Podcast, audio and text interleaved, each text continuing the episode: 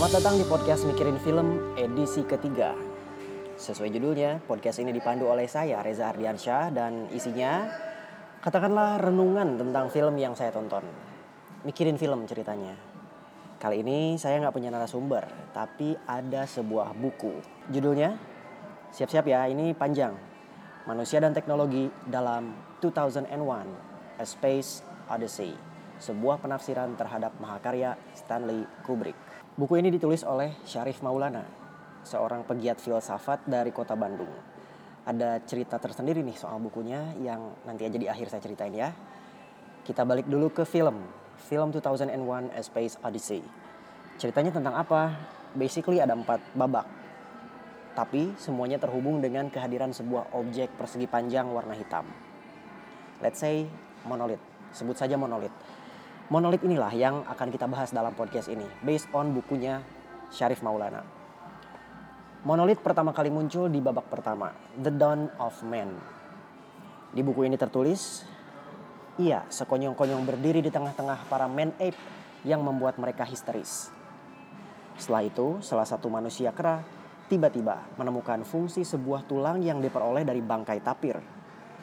Tulang itu membuat manusia kera sanggup membunuh dan akhirnya mereka terlihat memakan daging. Semacam evolusi dari herbivora menjadi karnivora.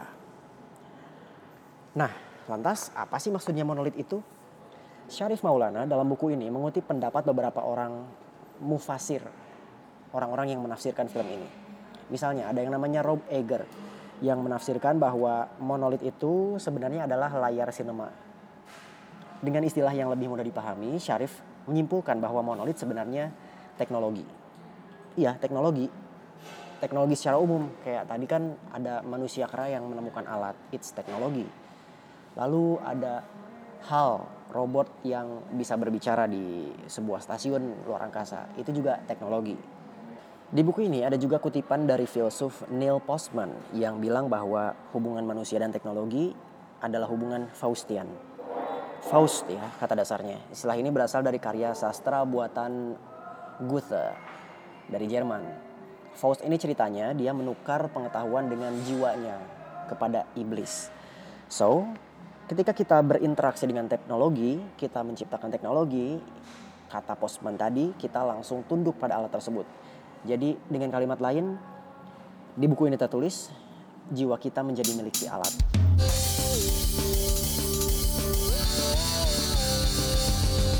Film 2001 A Space Odyssey bisa dibilang prediksi ya bahwa menurut si Kubrick tahun 2001 itu bakal ada sesuatu yang kurang lebih tergambar di film ini.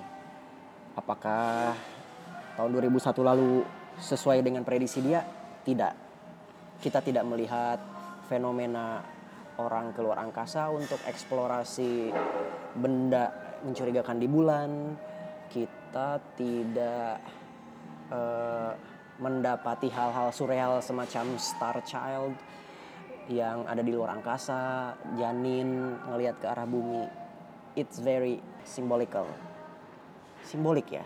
Tapi kita masih bisa menarik hal-hal uh, kontemplatif lah katakan begitu dari film ini. Jadi semacam kita ngebaca buku 1984 ya.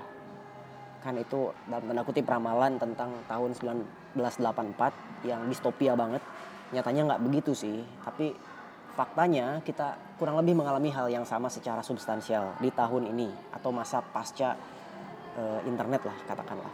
Nah di film 2001 A Space Odyssey, film ini membuat perumpamaan bagaimana manusia ini diperbudak oleh teknologi.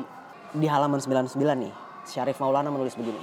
Ya, monolit adalah keseharian kita kita tenggelam di dalamnya, kita tergantung kepadanya, entah itu dalam bentuk BlackBerry, iPhone, laptop, televisi flat, hingga Galaxy Tab. BlackBerry masih disebut ya karena ini terbitan 2013. Lanjut, Syarif menulis begini. Kita mengalami sebuah alienasi yang baru. Kita pertama dibuat terpesona dengan manusia kera, lalu kita meraba, menyelidiki, dan beradaptasi seperti halnya Floyd. Tapi kemudian kita juga tahu bahwa ia membuat kita rapuh seperti halnya Bowman di ranjang kematian.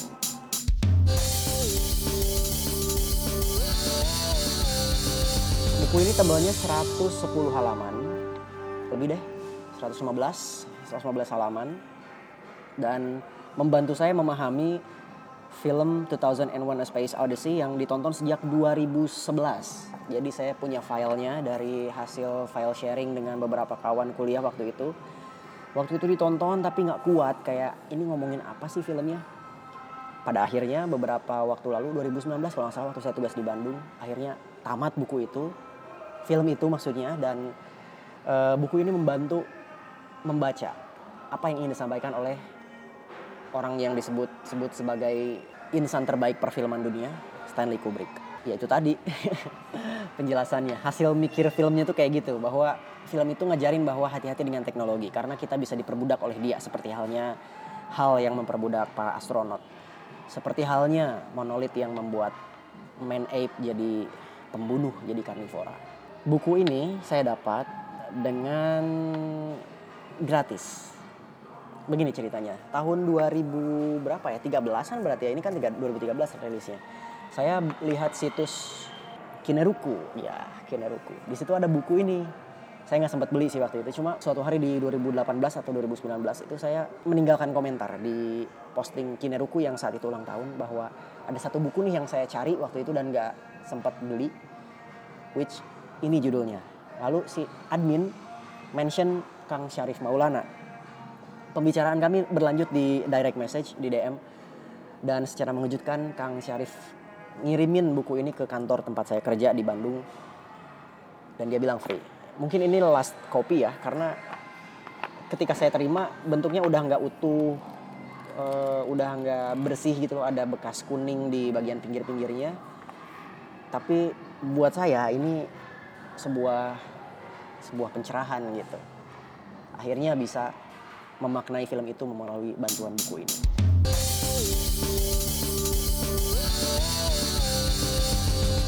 Kalau kamu tertarik dengan bacaan Kang Syarif yang lain, baru-baru ini dia bikin buku juga, judulnya Kumpulan Kalimat Demotivasi, kalau nggak salah ya gitu. Menarik kan, kayak kita biasanya ingin dimotivasi, ini malah didemotivasi.